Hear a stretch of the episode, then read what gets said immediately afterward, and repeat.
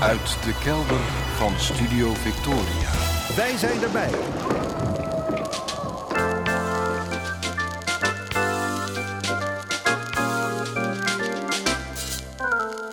Archief Rijnmond. Oude plaatjes, curieuze opnamen, onbekende teksten en vergeten artiesten uit de regio Rijnmond. Uw archivaris Roland Vonk. Met aflevering 1219. Goedemorgen, goedemiddag, goedenavond. Afgelopen week heb ik twee mensen op straat aan het schrikken gemaakt in Amsterdam. Het heeft te maken met lichamelijk ongemak dat ik al een tijdje ervaar. Ik probeer het niet steeds over kwalen en lichamelijk gedoe te hebben op de radio. Ik wil de luisteraar er niet mee vervelen. Tegenover mijn vrouw probeer ik het geklaag over pijn ook een beetje te beperken. Maar ik kan niet ontkennen dat gekerm en gesteun een vrij wezenlijk bestanddeel zijn geworden van mijn communicatie thuis. Ongemak kleurt mijn leven nou eenmaal al een tijdje. Zo'n 2,5 jaar geleden had ik in het najaar opeens enorm last van mijn linkerknie. Stekende pijn bij het lopen. Voor mijn gevoel kwam het zomaar, vanuit het niks. Er was niks gebeurd dat ik als oorzaak kon aanwijzen. Ik dacht ook, dit moet wel overgaan, want dit maakt het wandelen met de hond er niet eenvoudiger op. En wonen in een huis met allemaal trappen verliest zo in rap tempo zijn charme. In de loop van een paar weken ebde de pijn weg, gelukkig. Maar een jaar later, weer in het najaar, was hij er weer. En dit keer om te blijven. Maar ja, na een fysiotherapietraject van twee maanden of zo, vorig jaar in de zomer, ging het even ietsje beter. Maar toen de herfst weer intrad, zat ik meteen op een nog vervelender niveau dan het jaar ervoor. Laatst kreeg ik van een Facebook-vriend de bezorgde vraag: Ik zie nooit meer foto's van jullie hondje. Er is toch niks ergs gebeurd? Nou, niet met ons hondje, maar in zekere zin dus wel met mij. Met die knie kan ik niet lang meer lopen.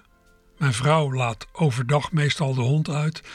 En de foto's die ik steeds tijdens het wandelen maakte, blijven daarmee achterwege. De orthopeed heeft wel foto's laten maken van mijn knie, waarop een milde vorm van artrose te zien is. Naar aanleiding daarvan kwam ik bij de fysiotherapeut met dus slechts tijdelijk effect. Voor komende week heb ik een nieuwe afspraak staan bij dokter Knie om eens te kijken hoe we nu verder gaan. Dan zal ik vertellen dat de pijn in die knie fatsoenlijk slapen inmiddels ook tot een hele opgave heeft gemaakt. Overdag kan ik een licht zeurende pijn er wel bij hebben als ik achter mijn bureau zit te werken of anderszins in huis bezig ben. Maar s'avonds in bed, als allerlei andere prikkels wegvallen, is er steeds weer dat ene gewricht dat zoveel aandacht vraagt dat in slaap vallen een heel gedoe is. Ik heb al heel vaak eindeloos liggen draaien en worstelen op zoek naar een houding die dan ja, niet al te veel pijn deed. Maar in elke houding kan er ineens een pijnscheut door het gewricht gaan, waardoor je meteen uit een beginnende slaap schiet of klaar wakker wordt uit een verder gevorderd dromenavontuur. Dan neem je toch pijnstillers? Ik hoor het u vragen. Ja, ik heb de beurskoersen van paracetamolfabrikanten afgelopen jaar aardig geholpen, zou ik denken. Maar pijnstillers die zijn na een tijdje uitgewerkt. En je loopt het gevaar dat je lichaam eraan wendt.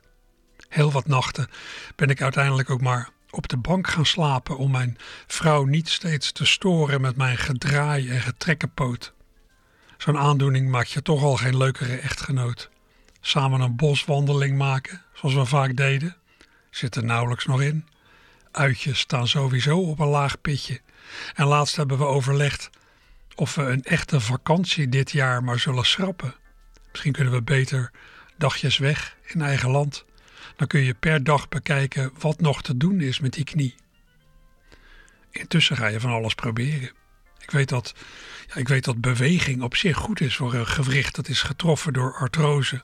Dus ik blijf het proberen. Zoals van de week in Amsterdam.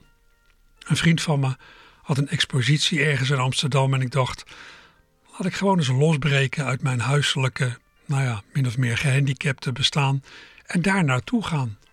In een parkeergarage, op 10 minuten lopen van de betreffende galerie, kon ik de auto kwijt. En ja, 10 minuten lopen, dat moest wel lukken toch? Zoals steeds ging de eerste 100 meter zonder al te grote problemen. Maar toen begon het. Steken in mijn scheenbeen, net onder de knie, waar ik steeds last heb als ik een stukje probeer te lopen.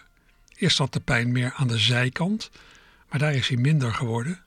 Misschien door de krachtoefeningen bij de fysio en tegenwoordig in de sportschool. Zou die pijn aan de voorkant misschien komen doordat ik ter vermijding van die eerdere pijn een beetje raar ben gaan lopen? Voorzichtig probeerde ik te variëren in mijn manier van lopen. Die linkervoet beter afwikkelen. Dat linkerbeen heel bewust net zo bewegen als het rechterbeen. En toen voelde ik weer een enorme steek in de zijkant van die knie. Ah! riep ik keihard. Ik hoorde mijn schreeuw galmen tussen de gevels van de smalle straat waarin ik liep. Een stukje verder keken een vrouw en vermoedelijk haar zoontje verschrikt naar me om. Een wat oudere man, die in zijn eentje op straat loopt te schreeuwen. Ze draaiden hun hoofden weer weg en liepen snel door.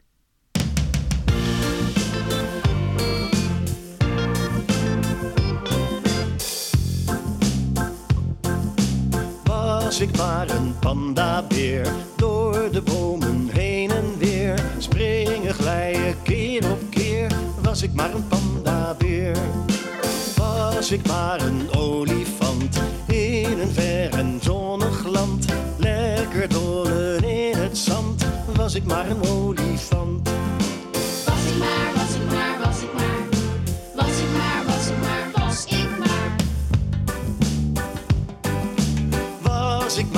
Zeemeermin met zo'n lange vissenvin.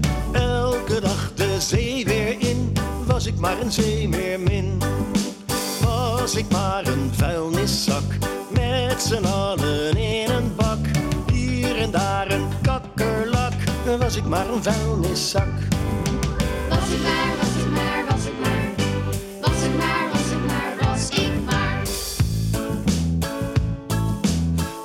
ik maar een appelflap, zomaar even voor de grap. Met een glaasje appelsap, was ik maar een appelflap. Was ik maar een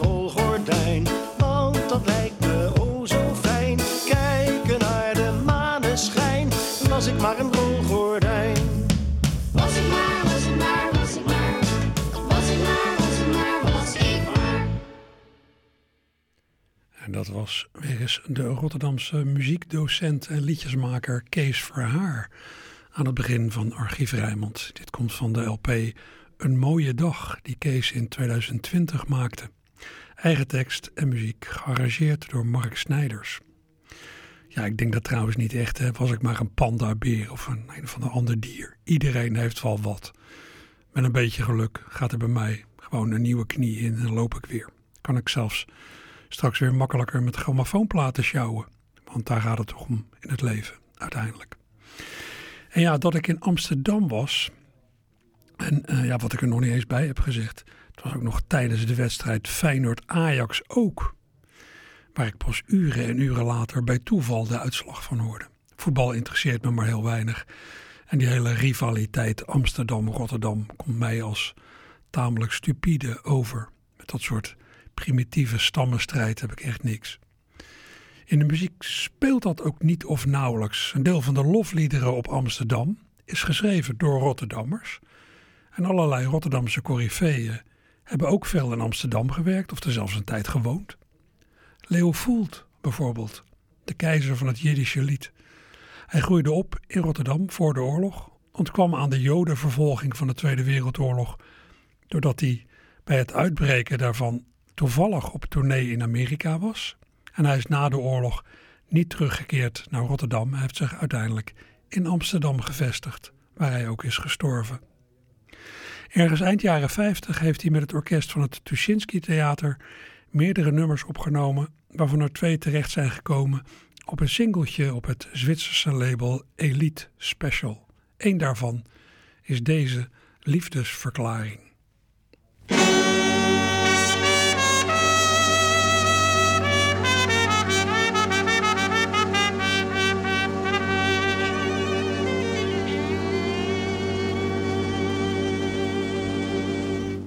Ich hab dich zu verlieb.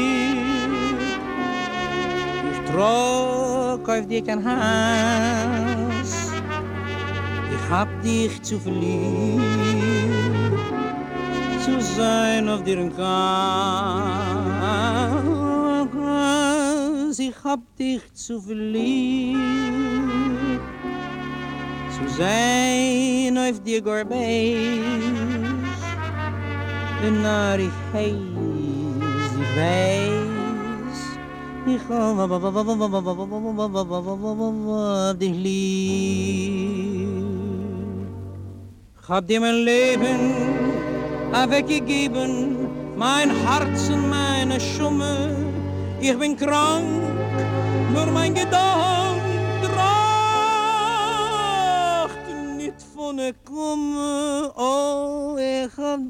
Zu zijn auf dir Gorbeis, een narigheid ich weiß. Ich hab dich lieb.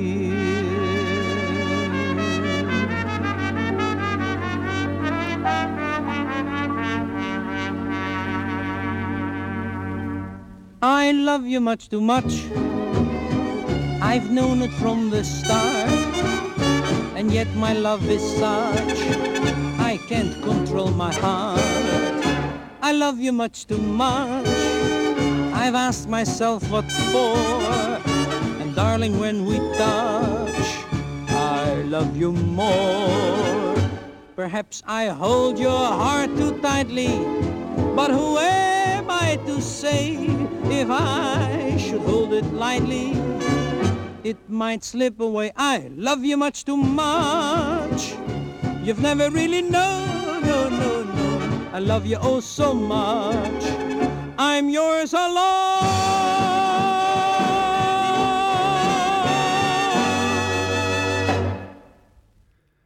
Rotterdammer Leo Voelt ergens eind jaren 50, of misschien al in 1960, met het orkest van het Tuschinski Theater in Amsterdam. Een Rotterdammer in Amsterdam. Terug naar Rotterdam gaan na zijn Amerikaanse avontuur was naar eigen zeggen te pijnlijk voor Leo. In Rotterdam werd hij veel te veel herinnerd aan alles dat verloren was gegaan. De binnenstad, zijn oude buurt rond het Van Alkemadeplein in Krooswijk en talloze familieleden onder wie zijn moeder. Met de nou ja, rivaliteit Rotterdam-Amsterdam had hij uiteindelijk een keuze voor Amsterdam van wereldburger voelt niks te maken. Iemand met nou, in ieder geval gedeeltelijke roots in Rotterdam, die uiteindelijk ook in Amsterdam is neergestreken, Dr. Anders P. Heinz Polser, geboren in Zwitserland, opgegroeid in Velp, gestudeerd in Rotterdam, een periode die grote indruk op hem heeft gemaakt. Hij heeft er ook elf jaar over gedaan, over zijn studie economie in Rotterdam. Daarna is hij via Indonesië naar Amsterdam getrokken, waar hij in 2015 op 95-jarige leeftijd overleed. Op de dag dat hij 100 zou zijn geworden, op 24 augustus 2019, hebben geestverwanten en vrienden een feestje ter ere van hem gegeven in de Kleine Comedie in Amsterdam, vlak om de hoek van het Tuschinski Theater. Voor een uitverkochte zaal brachten allemaal vakbroeders toen liedjes van Dr. Anders P. ten gehore. Een belangrijke rol daarbij was weggelegd voor de Vlaamse zanger en gitarist Jan de Smet, die ook bevriend is geweest met Polser. Hij bracht onder meer een lied van de Dr. Anders uit een, ja, een enigszins wonderlijke cyclus. Anders P. mocht graag minder gangbare onderwerpen behandelen in zijn liedjes. Groente, fruit en leestekens. Er zijn niet veel mensen die daarover zingen. Ik heb eerder al allerlei opnames gedraaid van die memorabele avond in de Kleine Comedie in 2019. Het lied dat nog was blijven liggen gaat over de dubbele punt. Een lied uit de cyclus Leestekens, dames en heren. Brengt ons van het zonnige Italië naar het vochtige Schotland.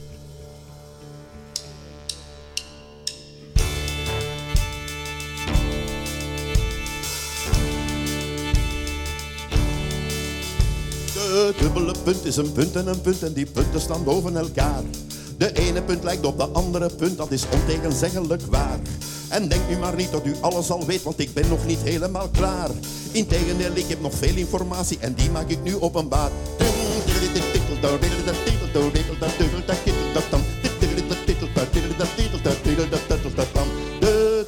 Punt is een punt en een punt. In totaal zijn het dat dan dus twee. We zouden het ook een tweevoudige punt kunnen noemen, daar zit ik niet mee. We zouden wel tijd kunnen winnen en afkorten tot de twee letters DP. Maar overal zeggen ze dubbele punten, dus dat zeg ik dan ook maar getwee.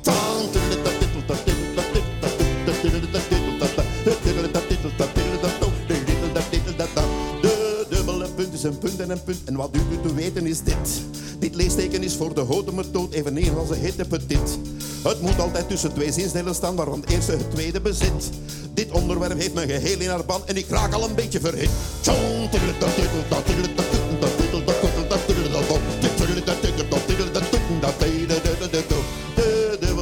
Een punt en een punt en dan ben ik nog niet uitgepraat. Die teken wat gezegd of gedacht of geschreven wordt, dus een citaat. Let wel aan, let wel, of al dus of iets dergelijks is eveneens adequaat. Men kan het ook interpreteren alsof er te weten of namelijk staat. Ja, dit dat, dat, dat, dat, dat, dat, dat,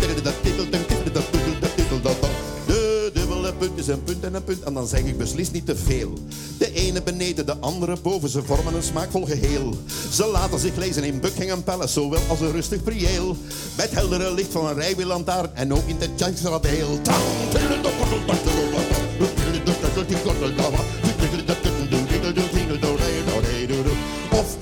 Verkiest Dostoevsky te lezen of Emma en Lodewijk Brunt. Op zijn gedichten of wiskundeboeken, geen mens u die dat u misgunt. U haalt ze misschien uit de bibliotheek of betaalt ze met klinkende munt. Maar wat u ook doet, u begrijpt dan tenminste na heden de dubbele punt. Jan de Smet. Jan de Smet. Ja, het is weer eens wat anders dan een liedje over de liefde. Hè? We hoorden Jan de Smet. Hij zong het Dr. Anders P. nummer Dubbele Punt tijdens de ode aan Dr. Anders P. van 24 augustus 2019 in de Kleine Comedie in Amsterdam. Hij werd begeleid door een band onder aanvoering van Jean Blaute. Ja, Dr. Anders P. heeft dus zijn studententijd in Rotterdam doorgebracht. De stad waar hij ook een hele reeks liedjes aan heeft gewijd. Ik heb een hele cd mogen samenstellen een paar jaar geleden met al dat Rotterdamse materiaal van Dr. Anders P. En zoals gezegd, pas veel later is hij in Amsterdam neergestreken, geheel voorbijgaand aan die rivaliteit Rotterdam-Amsterdam, die vooral in voetbalkringen heerst. En ik zei net al, meerdere lofliederen op Amsterdam zijn geschreven door Rotterdammers. Zo maakte van oorsprong Rotterdammer Louis Davids samen met zijn Ierse geliefde Margie Morris een ode aan de Westertoren van Amsterdam. Dat is onder meer op de plaat gezet door Max van Praag.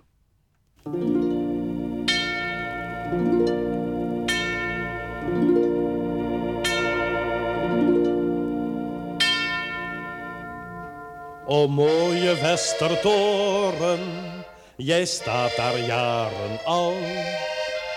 Waar ik ook loop langs gracht of straat, je volgt me overal.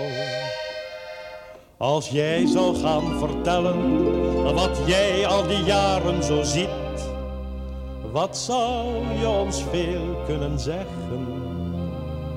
Maar ouwe, je doet het maar niet.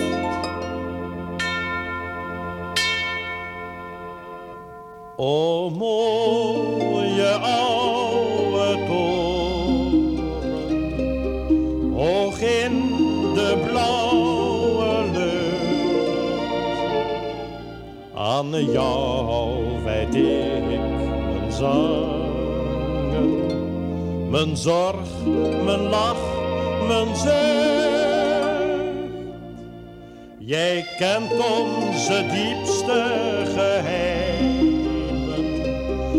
ons leed, onze smart en nog meer.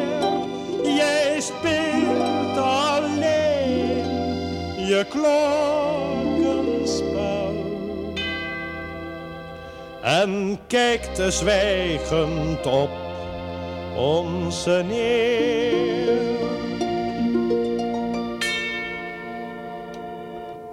O grijze oude toren, hoe lief kijk ik je aan.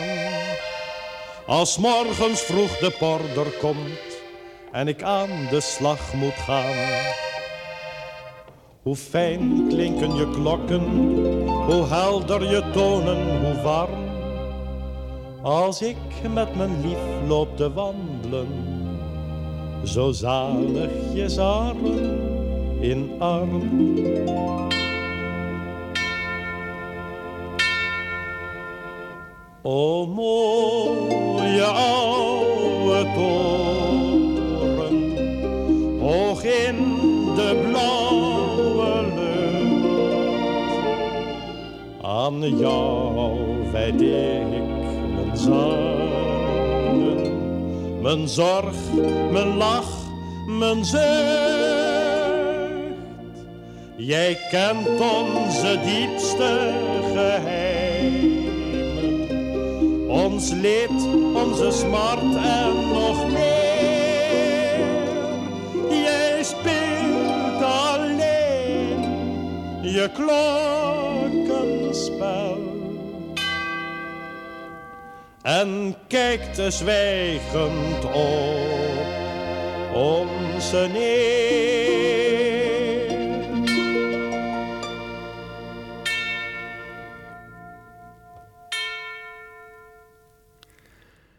Van Praag met een ode aan de Westertoren van Amsterdam, geschreven door Louis Davids, tekst uit Rotterdam, samen met zijn Ierse geliefde Margie Morris. Ja, het is op zich geen slecht lied, maar het is natuurlijk, ja, zoals eigenlijk de meeste odes aan gebouwen, steden en uh, ja, dat soort dingen, is het volstrekt inwisselbaar.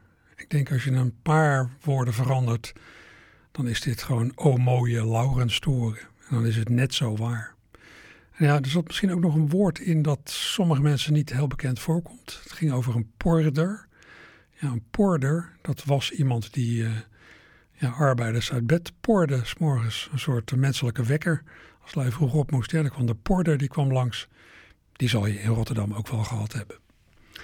Op flexieplaatjes van het Rotterdamse label Sonopress kom je ook heel wat Amsterdammers tegen. De meesten zullen zich hebben gemeld, denk ik, bij de Sigro-studio aan het Ungerplein bij de Schikade, waar veel opnames zijn gemaakt voor Sonopress. Sonopress dat veel reclameplaatjes produceerde. Zoals deze uit 1964 voor Melk. Een plaatje met medewerking van de Amerikaanse Amsterdammer Donald Jones. In een lied op dat plaatje dat ik alles heb gedraaid is die duidelijk herkenbaar, maar ik vermoed dat hij zich bij de Milkshake Twist ophield in het koor, want ik haal zijn stem er niet uit.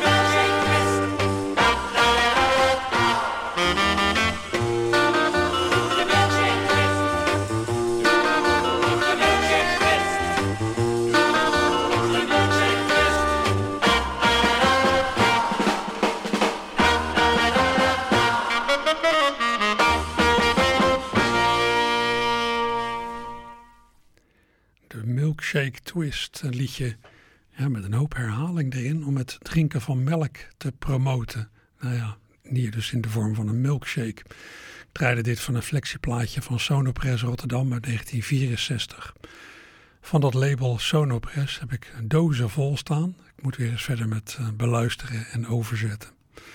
Ja, toch, uh, als er luisteraars zijn die nog uh, gekke flexieplaatjes, van die slappe plaatjes hebben liggen, ik hou me altijd aanbevolen. Wordt vervolgd. Ja, en dat uitzoeken en beluisteren en zo, dat, dat moet tussen onder meer het zelf maken van opnames door. Met enige regelmaat maak ik registraties in het theater. Nu en dan nodig ik ook mensen ja, gewoon bij me thuis uit om wat op te nemen. Zoals laatst Bas Kwakman, die in, 19, nee, die in 2019 na 16 jaar afscheid nam als directeur van het jaarlijkse Rotterdamse Poëziefestival Poetry International. Bas is zelf ook een getalenteerd schrijver en schilder, annextekenaar. En in 2017 is een fraaie bundel van zijn hand verschenen met 40 verhalen en tekeningen rond hotelkamers. Hotelverhalen heet die bundel. Ja, in zijn functie van poëziefestivaldirecteur heeft Bas van alles meegemaakt met, met, ja, met het eigen verblijf in hotels en met hotelbezoeken van festivalgasten. Vandaag een verhaal over Hotel Atlanta in Rotterdam.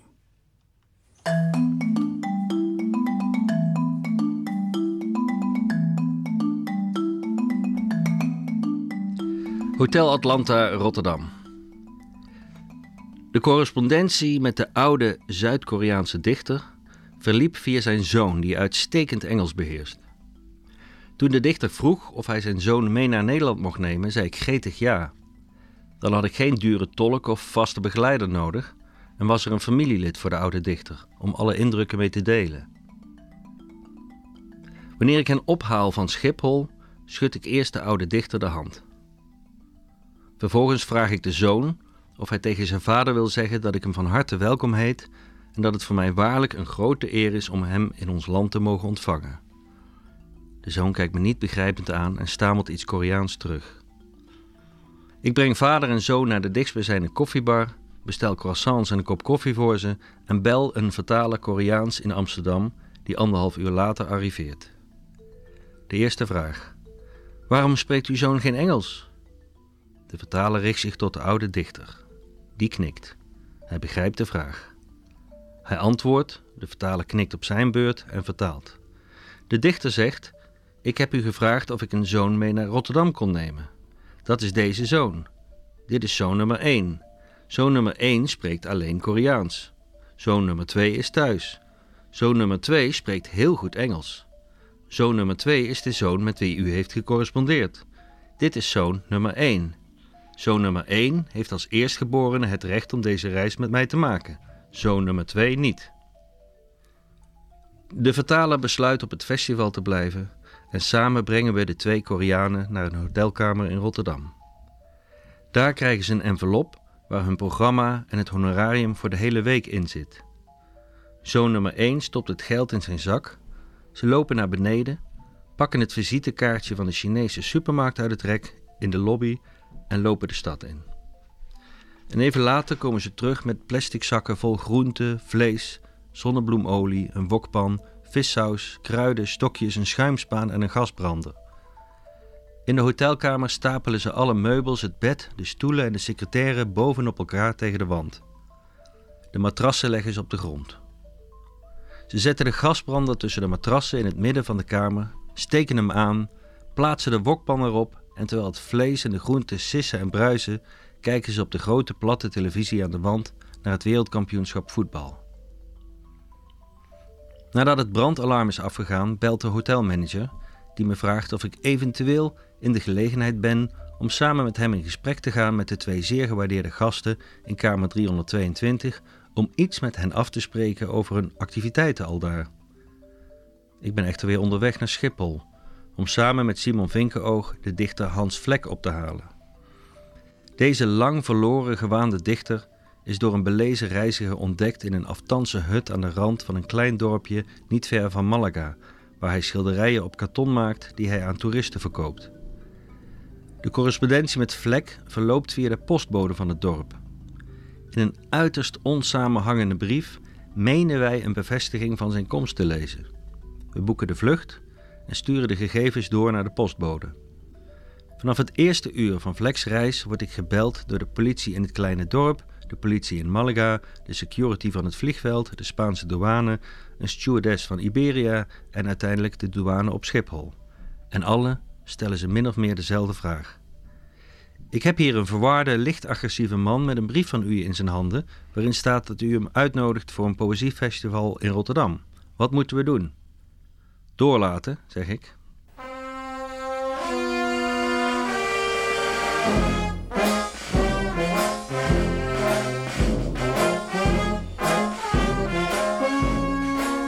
Vastgeklemd tussen twee agenten komt Vlek door de gate. Zijn blik schiet alle kanten op.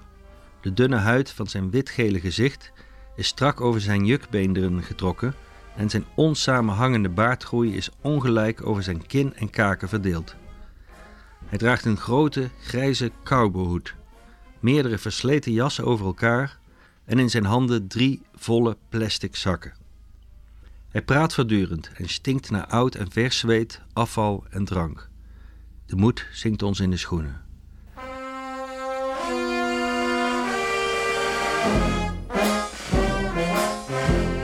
Simon gaat schielijk voor in de taxi zitten en ik schuif behoedzaam achterin naast Vlek, die aan één stuk door in verschillende talen oreert.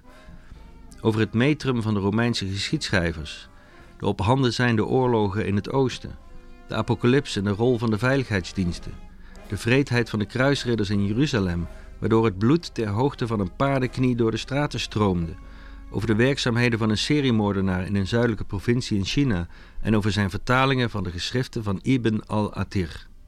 Ik moet er goed op letten dat ik straks Annette Portugies van Querido niet ga tutoyeren, zegt hij.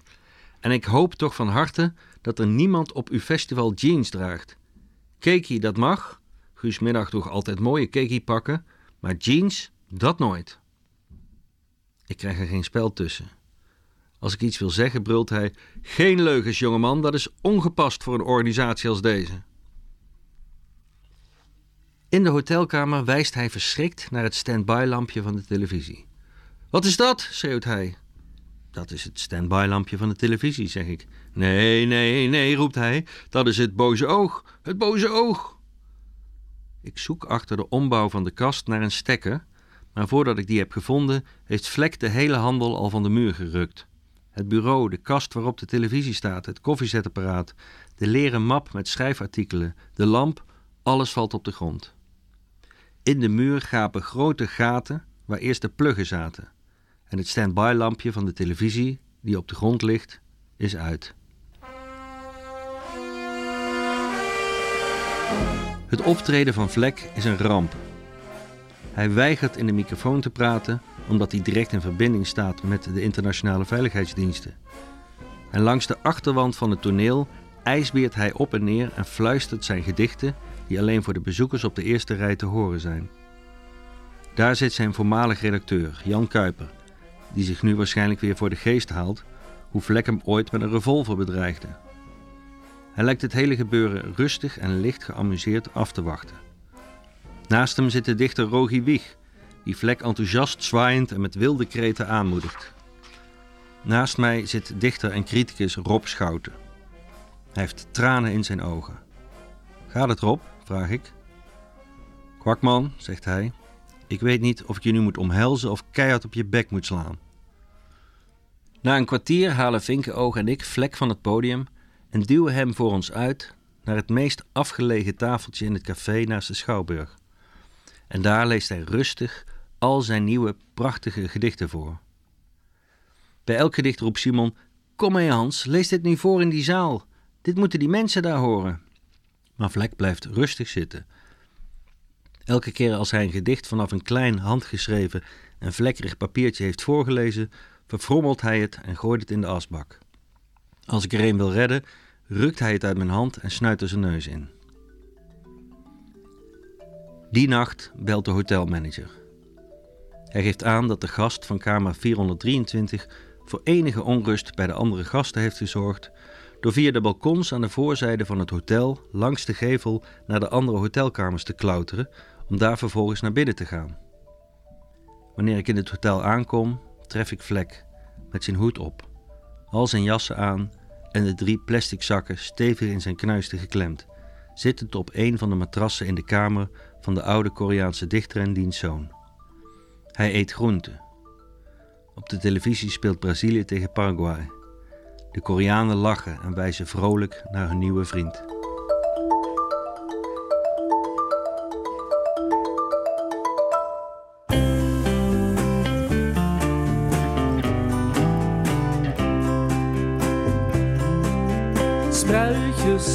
Met slagroomijs, winter in mei.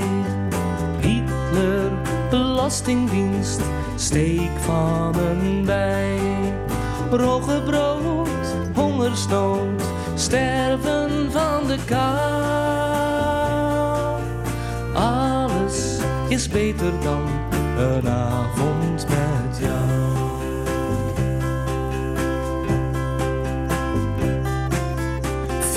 Files, begrafenis, kroeg zonder bier. Iemand die afval loost in de rivier. Watersnood, allen dood, jarenlang van raar. Alles is beter dan een avond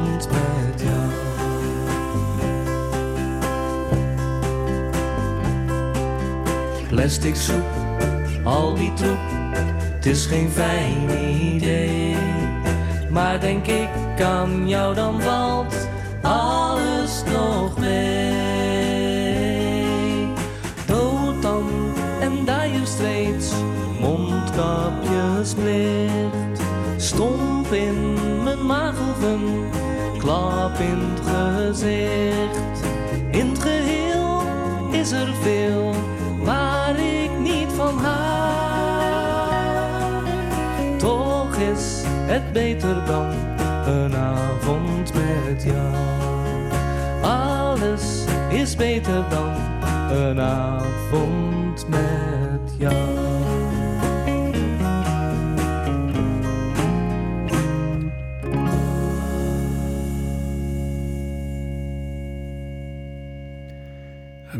De Tilburgs-Rotterdamse band De Kik met zanger Dave van Reven. Ze brachten een curieuze cover van de Songfestival inzending All Kinds of Everything, waarmee zangeres Dana in 1970 het Eurovisie Songfestival won voor Ierland. De mannen van De Kik hadden de opsomming van het origineel min of meer omgedraaid. Van een opsomming van alle positieve dingen die iemand doen denken aan een geliefde zijn ze gegaan naar een opsomming van allemaal negatieve ervaringen, die toch nog allemaal beter zijn dan een avond met jou. Dit liedje komt uit een heel theaterprogramma en een hele plaat met hertaalde songfestivalhits door De Kik. Titel van zowel het theaterprogramma als van de vorig jaar verschenen plaat De Kik hertaald. Ja, laatst heb ik ook de jonge Rotterdamse zangeres Onyx cabaretière Isha van der Burg weer eens over de vloer gehad met nieuwe liedjes op tekst van haar min of meer vaste tekstschrijver Leon Moren, zoals dit.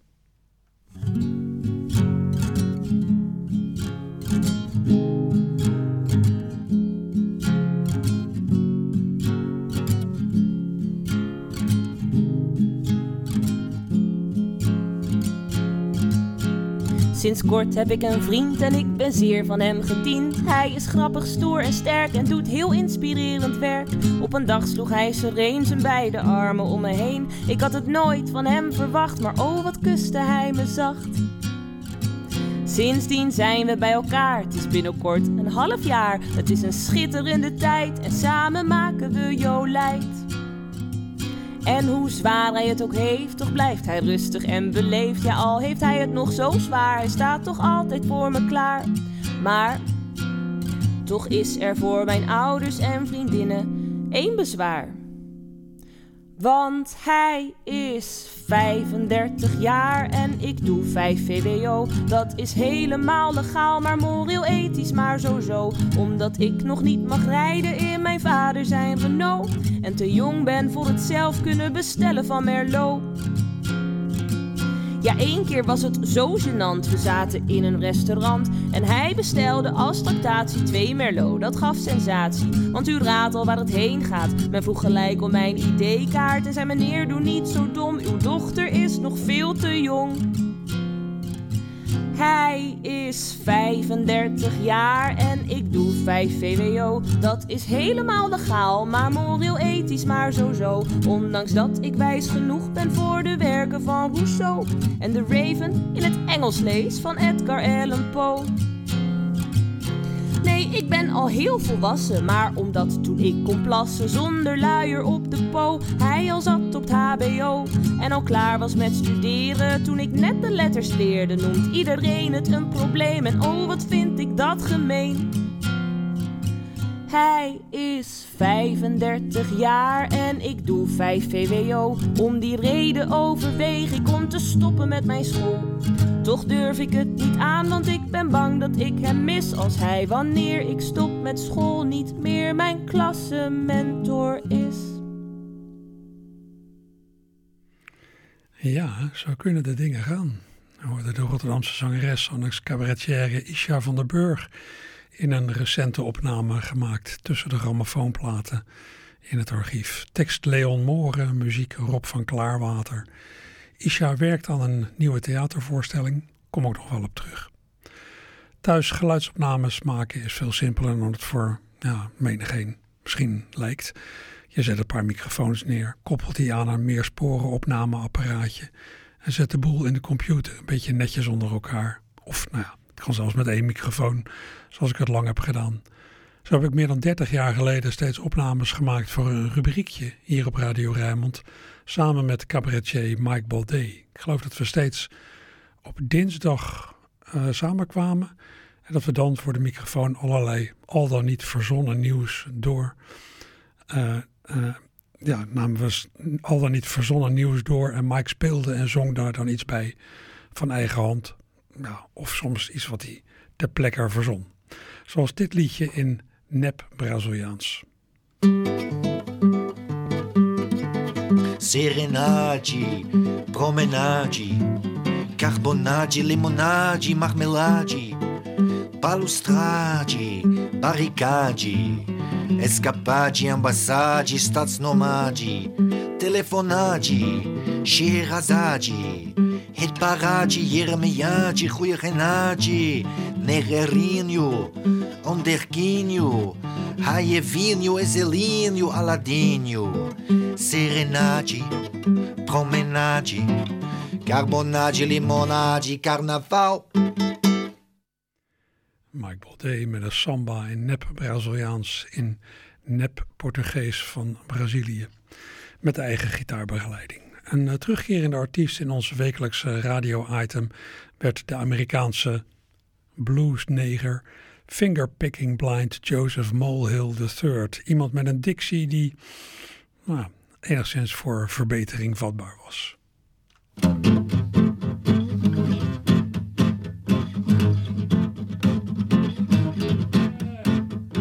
Oh, baby, I'll take better that. Oh, baby, I'll take that better that. Oh, I'll take no singing to die. Oh, that baby, oh, drop that fish tonight. I wanna hoot that baby on thing tonight. Well, that baby on be barefoot tonight. Ah, ah, ah, ah, ah, ah, ah, ah, ah, ah. Oh, that baby on thing tonight. Oh, that baby on thing tonight. I wanna hoot that baby on take it on the fence about to die. Thank you. Fingerpicking Blind Joseph Molehill III door Mike Baudet. Een creatie van meer dan 30 jaar geleden. Destijds opgenomen in mijn werkruimte thuis in het souterrain. Volgende week meer daarvan.